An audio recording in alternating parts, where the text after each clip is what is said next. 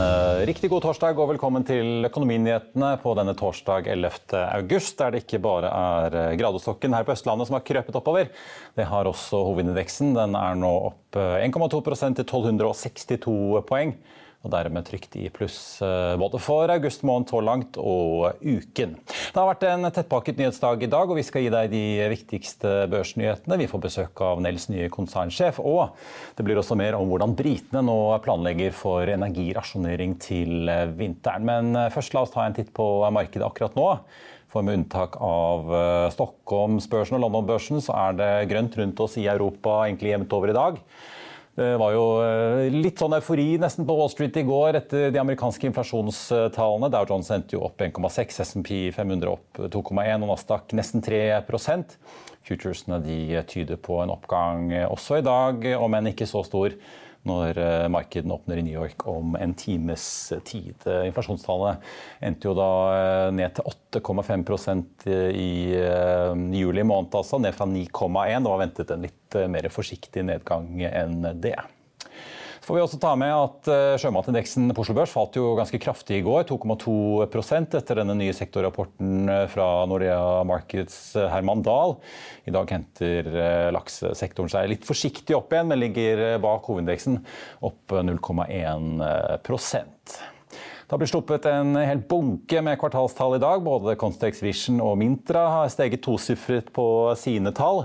Høge Autoliners eh, er opp nesten tosifret, de også. Opp 9 på sine tall, som viste en halv milliard eh, på bunnlinjen for bilfraktrederiet. Så får vi også ta med at Bevi faller selv med økte resultater. Det har kommet tall fra en rekke banker i dag. Hexagon, Idex og Acetec er også ute med sine tall. Og mer om det får du på fa.no. Vi skal imidlertid eh, titte litt nærmere på Kahoot, for det er vel, eh, får vi si, en av dagens virkelig store vinnere. E-læring og quiz-selskapet har krøpet oppover nå. Jevnt og trutt gjennom dagen, og aksjen er opp 27% til litt over 28 kroner aksjen.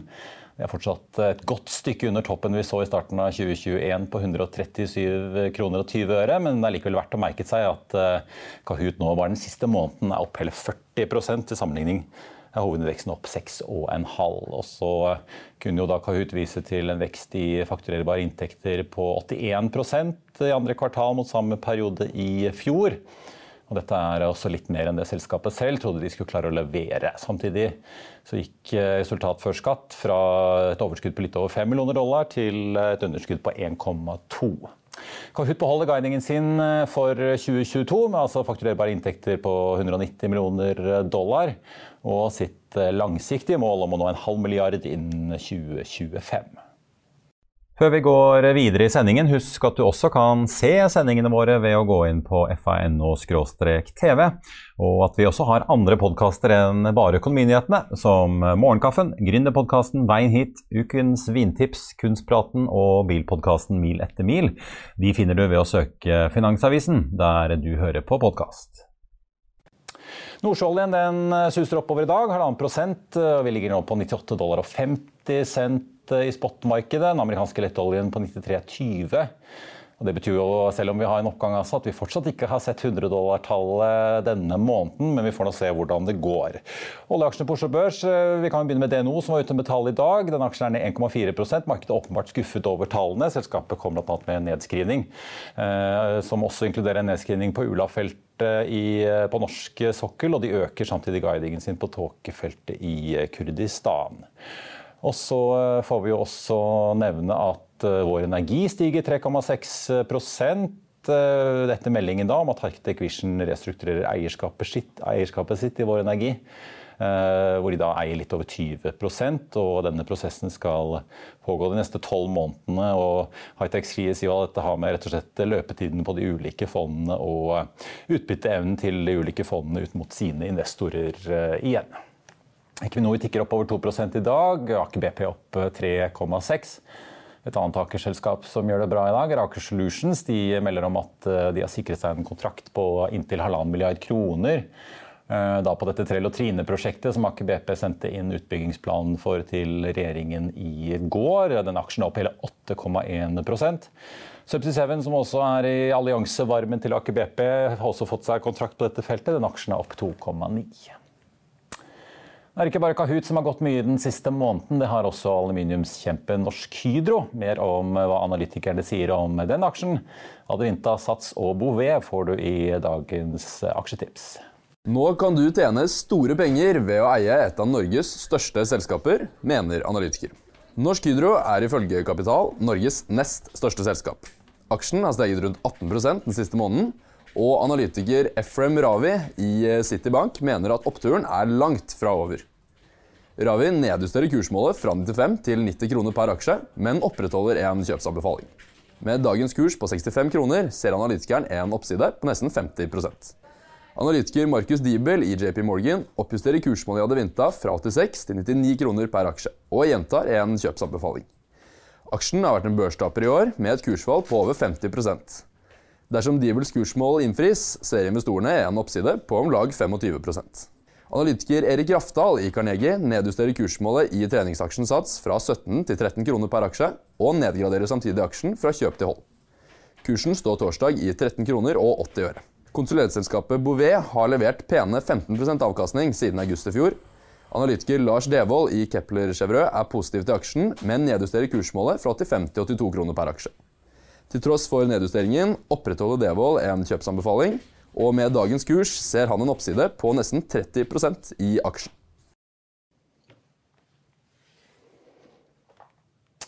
Da skal vi over til eh, dagens gjest og et selskap der det skjer eh, masse spennende om dagen. får vi si. Hydrogenselskapet Nel slapp i morges tallene for andre kvartal. Aksjen eh, var ned nesten 6% på det verste. Har hentet seg inn og ligger nå ned rundt halvannen prosent. Rapporten viste lavere inntekter og større tap enn det analytikerne hadde ventet.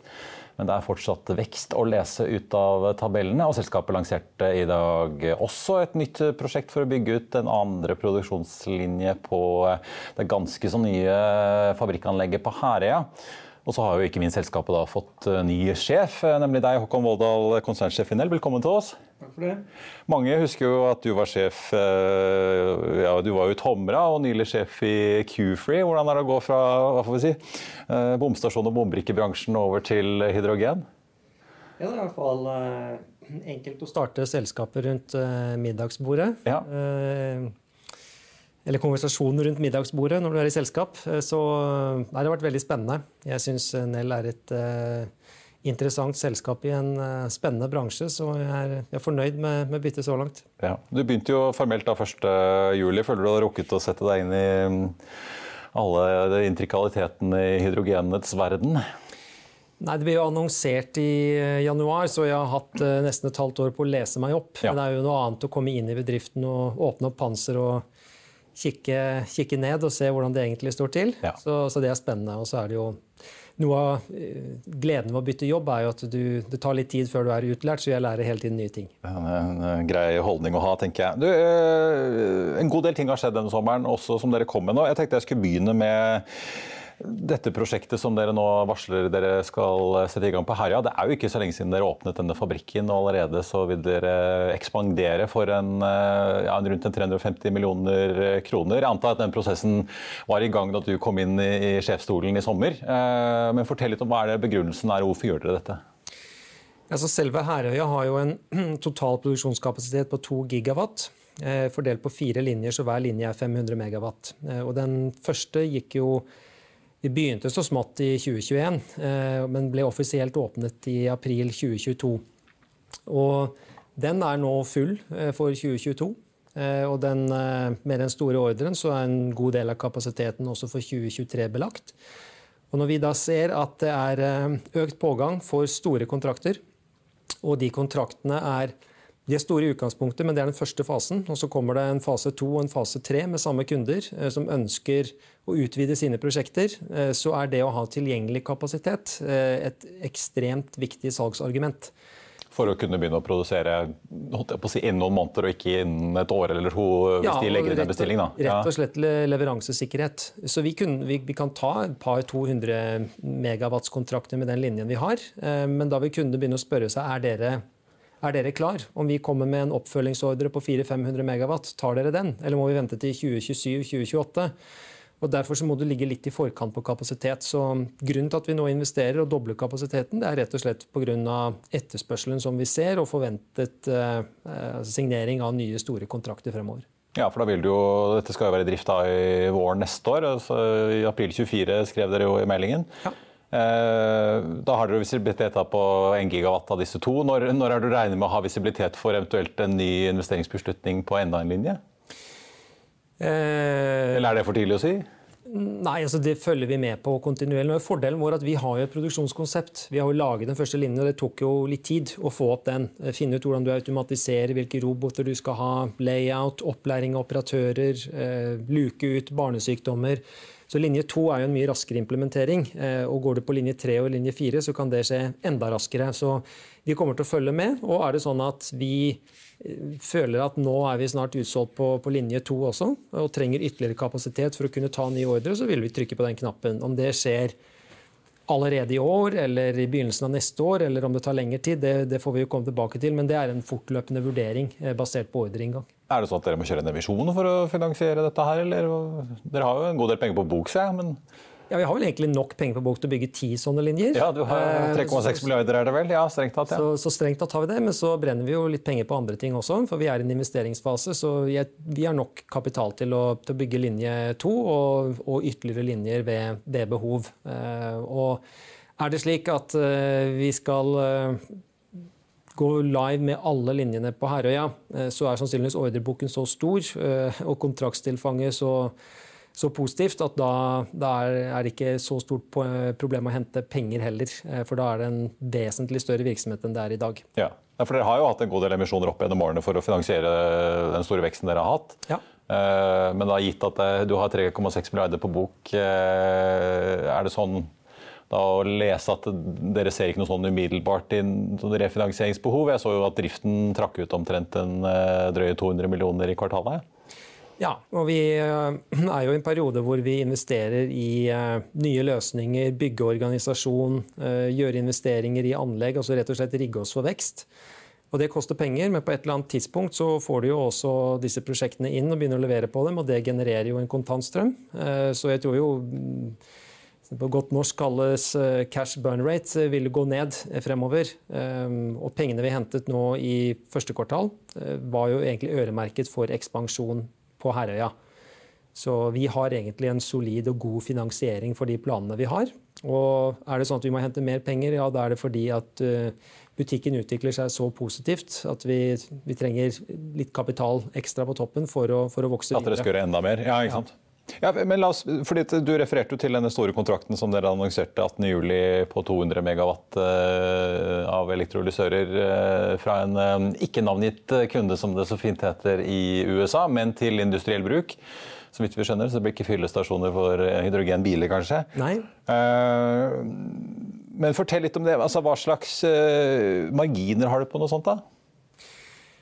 Eh, det er jo... Jeg har merket meg at marginene dine er litt under press. Det er dere ganske åpne om i rapporten.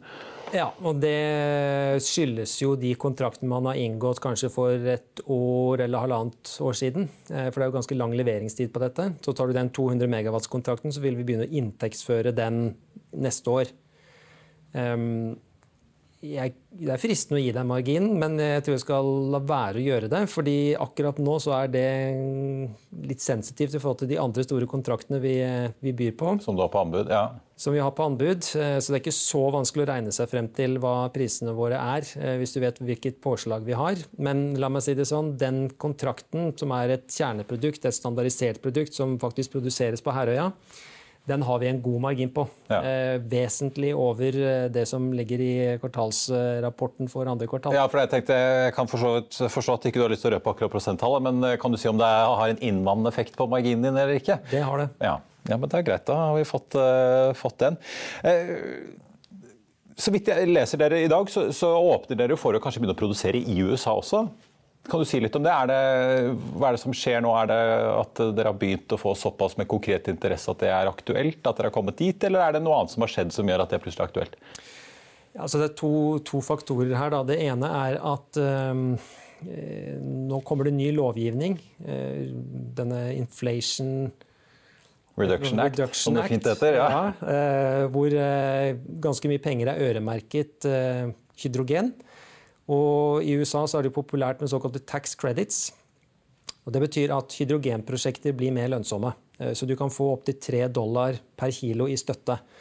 Og så er det en del som forsvinner på veien i måten de finansierer det, og det er noen jurister og, og andre inne, men, men, la oss si at du kan få ut 2-2,5 dollar per kilo. Og det er ganske mye. Eh, når du vet at eh, naturgass, eh, i hvert fall for inntil noen måneder siden, koster kanskje halvannen, to, to og en halv dollar, så får du omtrent like mye støtte for hydrogen. Ja. Eh, da blir det konkurransedyktig.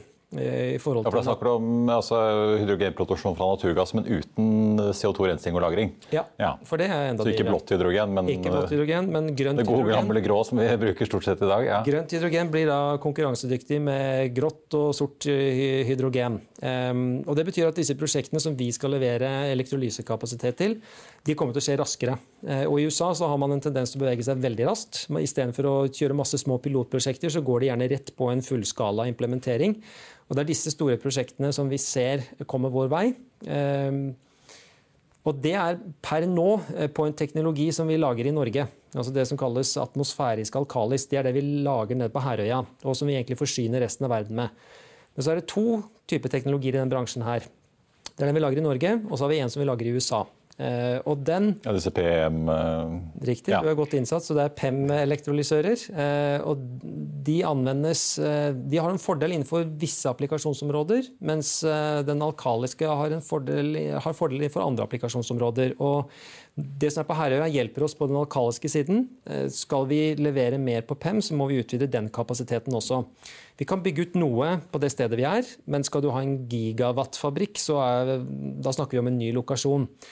Og Siden vi nå ser etterspørsel både etter PEM og alkaliske løsninger i USA, så kan det være smart å se på om vi skal ha begge teknologier eh, på det nye stedet. Rett og slett fordi det er dyrt å frakte tonnevis med stål eh, over Atlanteren. Eh, så det blir spennende å se hvor mye den lovgivningen og, og insentivene påvirker eh, kontraktstilgangen fra USA. Blir det mye etterspørsel fra USA, så må vi jo investere i økt kapasitet, og da nærmere markedet. Ja, for Det ene er jo på en måte det kommersielle vurderingen av å etablere seg i USA. Men uh, apropos Inflation Reduction Act, vi ser at amerikanerne er jo i gang. Uh, litt, Vi ser jo de samme diskusjonene for så vidt i Brussel òg. Man begynner jo å tenke forsyningssikkerhet og energisikkerhet på en helt annen måte. I USA er det jo, man jo i full gang med å begynne å bygge opp uh, altså fabrikker for halvledere og datachipper. Rett og slett Man er litt bekymret for at kanskje Taiwan ikke alltid kan levere. Eh, skjer det også i hydrogenbransjen, eller er det kun en kommersiell på en måte, vurdering at kundene, du får nok kunder i USA til at det lønner seg å etablere seg lokalt? Ehm, det er nok begge deler. Eh, amerikanerne vil gjerne kjøpe ting som er produsert i USA. Eh, det kan også være at disse nye ordningene favoriserer de som viser stort, altså en stor grad av lokalt innhold. Så på sikt så tror jeg det er en fordel å kunne produsere disse store elektrolysørene i Nord-Amerika for det amerikanske markedet. Men det er jo også på frakt. da. Altså, de er store, disse elektrolysørene, og når du skal ha flere hundre av dem, så er det litt komplisert logistikk. Du sender ikke det med Fedex, liksom? Nei, Nei det er ikke UPS. Det er, det er båter. Eh, store skip som frakter dem over. Eh, så, så, det er jo en eh, Det er både det at du vil ha lokalt innhold, og rett og slett liksom, logistikkostnaden. Og Det samme er det jo i EU. Man vil gjerne ha utstyr som er produsert i EU. Um, nå har man jo gjort noen feil. Det er jo lett å sitte og si i ettertid at det var feil, men, men den avhengigheten man skapte med tanke på russisk gass, man har kanskje ikke lyst til å gjøre seg like avhengig av kinesisk teknologileveranse heller. Så vi opplever jo at de ordningene som kommer på plass, klart uttrykker en motivasjon for å kjøpe europeisk teknologi i Europa og amerikansk teknologi i USA. Eh, og Så får vi se om det blir en eh, reise tilsvarende solbransjen, eh, eller om man har lært og, og ønsker å Ikke beskytte subsidiere seg i hjel. Ja, akkurat. Men eh, apropos Europa. Eh, jeg tenkte jo nå har jo i hvert fall Tyskland merket på en ganske vond måte hvor avhengig det er av russisk gass, og hva som kan skje hvis Putin og Gazprom bestemmer seg for ikke å levere like mye som de gjorde før. Eh, vi ser jo at En del i oljebransjen har jo snakket opp i mange år eh, det å bruke naturgass med rensing og lagring av CO2 eh, som en ganske effektiv måte på å produsere hydrogen. Du er jo på en måte en konkurrent i det, for du kommer inn med elektrolyse med vann og strøm. Er det sånn at bildet endrer seg for dere nå i Europa, rett og slett fordi at man er nødt til å fri seg fra russisk gass, og at dermed grønn hydrogen får seg et løft? Ja, det er definitivt. Det har vært spekulert mye i det på en måte etter denne invasjonen, hvilke konsekvenser det kan ha for ikke bare fornybar energi, men også ja, annen industri. Ja, men det er eh, for, for, oss eh, For oss som bransje er det jo positivt at man ønsker å gå bort fra russisk gass. Eh, og så har jeg lyst til å oppklare en sånn liten misforståelse. fordi Nå er det høye strømpriser i Norge, og det er veldig mange investorer som sier hvorfor skal vi bruke elektrisitet på å lage hydrogen. Det er jo idioti. I hvert fall når det koster 3-4 kroner kilowatten. Ja, og ja. Er det kanskje, altså Der hvor de kan bruke el direkte, så er det smart. Problemet er at du griller ikke biffene dine på en elgrill. Du har det på en gassgrill, for at du er avhengig av en viss temperatur. Du smelter ikke stål, og du eh, lager ikke ammoniakk med ren el. Du, du, må ha en prosess som krever mange hundre grader. Og når kravene til rensing av CO2 er der, og disse bransjene må kvitte seg med CO2 for å holde tritt med EU-lovgivning eh, og egentlig møte etterspørselen fra markedet, så må de inn med hydrogen. Hydrogen er, eneste, er, det eneste alternativet til naturgass. Det er det ene. Det andre er hydrogen er også en mulighet for å frakte energi inn til Europa. Det er jo delte meninger om hvor fort den utbyggingen kan gå. Det er Mange som sier at vi kommer ikke til å klare å bygge nok elektrisitet. Det er ikke plass. Eh, og vi kommer ikke til å bygge ut nok vindkraft og nok solkraft. Hvor skal vi hente den da? Ja, da har du jo steder hvor det er veldig gunstig å eh, produsere grønn energi. Eh, Nord-Afrika, Midtøsten. Hvordan får du da fraktet den energien til Europa? Skal du legge kabler eller overføringsnett over Middelhavet? Nei. Du må frakte den. Hvordan frakter du den? Jo, du frakter den i form av flytende hydrogen, som kan være dyrt, eller ammoniakk. Og Da blir hydrogen løsningen på å få energi Som en energibærer. Som en energibærer, ja. Mm. Så det er viktig at man liksom ikke henger seg opp i at det termodynamisk ikke er supersmart å konvertere elektrisitet For du mister jo en god del på veien når du, du skal lage hydrogen? Ja. Mister noe. Eh, og, der hvor det på en måte, du kan elektrifisere direkte, så er det klart at det er ofte lønnsomt både økonomisk og energiøkonomisk. Men hydrogen spiller en rolle der hvor du ikke kan direkte elektrifisere, og som en energibærer for å frakte energi fra områder hvor du kan produsere den billig og enkelt, til dit hvor den forbrukes. Derfor så blir jo Midtøsten og Nord-Afrika kanskje eh, forsyningshuber for Europa. Eh, mens Chile blir det for Nord-Amerika, og Australia blir det for Asia. Men det, Ser dere en genuin økt interesse fra tyske industriaktører eller andre nede på kontinentet som nå begynner å få panikk eh, for sin egen forsyning av naturgass og begynner å se etter andre alternativer?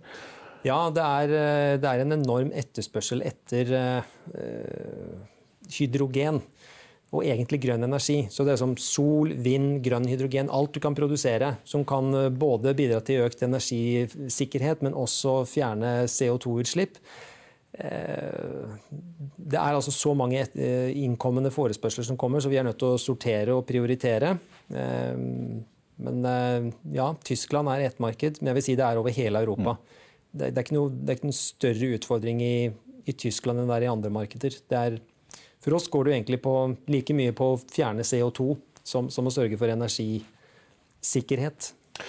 Eh, til slutt eh, Håkon, så vil jeg spørre litt om uh, tallene deres. for fordi vi så en, Dere hadde en bunnlinje som, som gikk fra da, minus 312 til minus 275 millioner mot samme kvartal i fjor. Ikke helt overraskende at en bedrift som investerer mye og er i vekst og på en måte bygger seg for en, en fremtid, går i minus. Men altså, bruttodriften din går jo også i minus. Du er nesten 200 millioner før avskrivninger og øh, renter og alt mulig annet nedover regnskapet. Øh, sånn kan dere jo ikke holde på i all evighet. Øh, driften må jo generere etter hvert pluss. Når er det dere regner med at det kan skje, egentlig?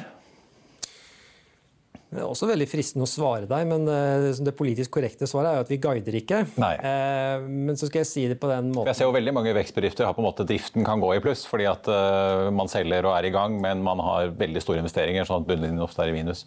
Ja, så, eller du har store finansieringskostnader, eller ja.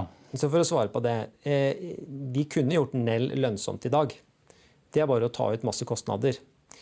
Men det hadde da blitt et lite til mellomstort selskap som gradvis hadde forsvunnet. Fordi dette handler om å være konkurransedyktig eh, på kostnad. Og da er du nødt til å ha skala. Og hvordan får du skala? Jo, da må du rigge deg opp med produksjonskapasitet. Og så skal du fylle de fabrikkene, så da må du ha et markedsapparat. Og så skal du tilfredsstille kunder i ulike geografier og segmenter. Så da må du ha en bred løsningsportefølje. Så vi er i en ikke en ramp-up, men en scale-up-fase, altså en industrialiseringsfase. Og på et eller annet tidspunkt så stopper jo på en måte de utgiftene å øke så mye som de gjør nå, samtidig som topplinjen kommer til å øke og marginene kommer til å gå opp. Så jeg tror du vil se fremover en bedring i bruttomargin. Samtidig som, samtidig som veksten i eh, driftskostnadene vil, eh, vil gå ned. Eh, men akkurat når vi måte, går break even, og når du kan forvente at vi blir lønnsomme, skal vi være litt forsiktig med å si. Det kommer ikke til å skje i 2022, så tidligere kan det vel være. Nei. Eh, og vi planlegger å investere mye i 2023 også. Um, så, men, men, den marginstrukturen vi ser at vi kan ha, så går det, altså den konverteringen fra å tape 10-20% på bunnlinjen til å gå i null til å tjene 10-15-20% den kan gå veldig fort. Mm når du bestemmer deg for å tjene pengene, men nå bestemmer vi oss for å ta en stor del av markedet. Og ingen stor frykt for høye strømpriser, eh, i hvert fall foreløpig, virker det som? Ja, men Det er jo ikke positivt for, eh, for, hydrogen isolert sett. Men hva konkurrerer du mot? Naturgass. Så nå har du akkurat gitt oss prisene på mm. olje og, gass, og det er ganske høye priser om dagen. Så det er den relative forskjellen som er viktig. Vi, vi, kommer til det rett etterpå i sendingen. Men Håkon Volldal, eh, får vi si fortsatt ny konsernsjef i Nell. Takk for at du kom. Så ser jeg Aksjen din har krøpet opp og ligger nå i null, så da eh, var det ikke en så gæren opptreden her i FATV sånn første gangen. Vi skal eh, videre i sendingen. Holder oss til energi, for Europa er jo fortsatt i en dyp energikrise. Ikke bare skaper lav vannstand i en rekke elver rundt på kontinentet problemer for leveranser av alt fra kull til kraftverk og kjøling til atomkraftverk, men gassprisen har gjennom sommeren også steget oppover igjen. I dag hadde Tysklands forbundskansler Olaf Scholz sin første sommerpressekonferanse som kansler. Og I tillegg til å gjøre det klart at vinteren blir vanskelig for tyskerne, så sa han også til Russland at det bare er å komme og hente denne famøse turbinen til rørledningen Nord Stream 1. Russerne har jo kuttet leveransene gjennom denne viktige ledningen ned til 20 av eh, kapasiteten og skylder nettopp på at det mangler eh, dokumentasjon for å få hentet den og satt den tilbake i drift. Og mens eh, tyske politikere og industri frykter et eh, totalt gasskutt fra Russland til vinteren og forbereder rasjonering, så gjør også britene det samme. Bloomberg rapporterer om hvordan britiske myndigheter midt i maktovertagelsen i det konservative partiet nå planlegger en potensiell rasjonering som ikke bare rammer industri, men også husholdninger til vinteren. Bare se her. Temperatures in Europe are climbing as another heat wave sweeps the continent, threatening to disrupt travel and business, and of course, ratcheting up pressure on the region's strained power infrastructure. Now, to dive deeper into Europe's energy crisis, let's bring Bloomberg's European energy editor. She's Rachel Morrison. Rachel, do we have a concrete plan on what happens when we get into the colder months if Russia turns off the taps completely? Well, what we're seeing at the moment is Europe's energy system really being tested by this summer weather, which usually wouldn't be so much of a problem. Sometimes we do see the impact of heat on rivers. We've talked a lot about the Rhine um, and on nuclear plants, but really it is worrying to see the strain that's being put on the the energy market at the moment before it even gets cold. I mean, we have really high prices. Gas prices are up to the highest in two weeks today. And what that is doing is setting the stage for winter. So, what's being priced in is people thinking that this is only going to get worse in winter when it does start to get cold, when demand rises. We're seeing governments scrambling to try to get their plans in place, deciding who they're going to ration, which industries will need gas most, how they're going to keep the lights on. But those plans aren't firmly in place yet because obviously they're big economic decisions that need to be made. Yeah, clearly the pressure is on lawmakers across the continent and here in the UK to, to act on this, I and particularly when you're facing up to £5,000 a year in terms of utility bills here, here in Britain. Rachel, we're hearing that ministers are going to be meeting with some of these company executives. What, what can we expect? Are we expecting them to put pressure on the companies? Are we expecting any further response uh, from Whitehall, from uh, Downing Street? Yes, it's a really difficult moment for the UK because the same as across Europe, energy bills are rising for people, for consumers, and we have a price cap in the UK, and predictions are that in October that's going to rise significantly and again in January, which is going to push lots of millions of people into poverty and leave people unable to pay those bills.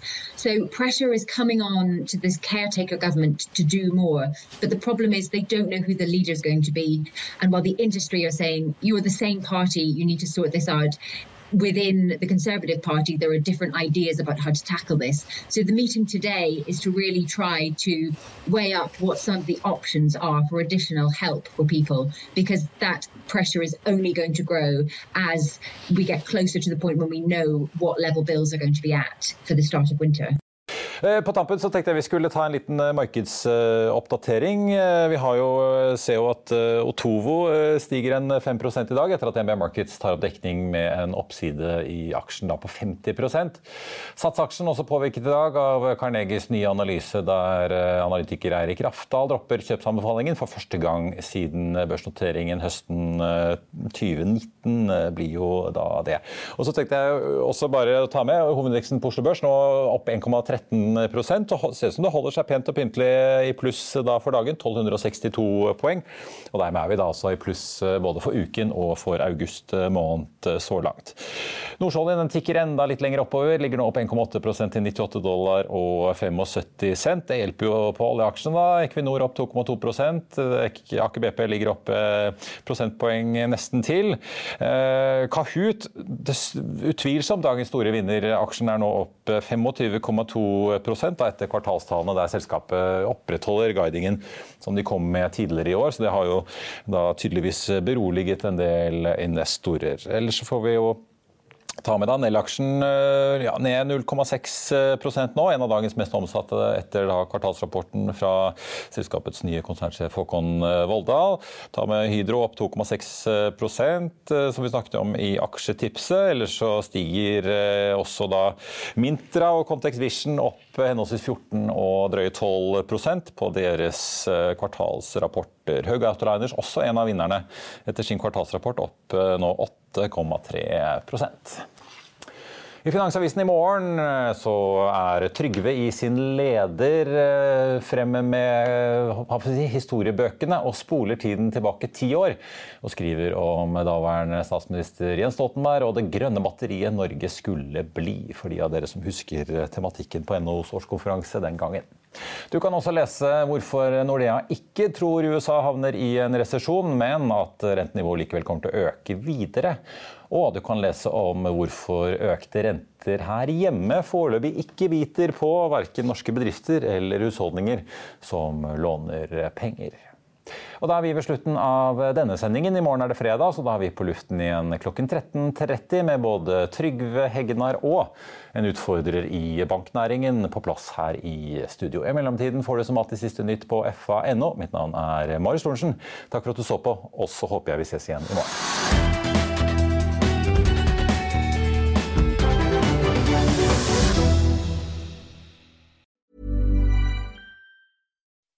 When you make decisions for your company, you look for the no-brainers. If you have a lot of mailing to do, stamps.com is the ultimate no-brainer. Use the stamps.com mobile app to mail everything you need to keep your business running with up to 89% off USPS and UPS. Make the same no-brainer decision as over 1 million other businesses with stamps.com. Use code PROGRAM for a special offer. That's stamps.com, code PROGRAM.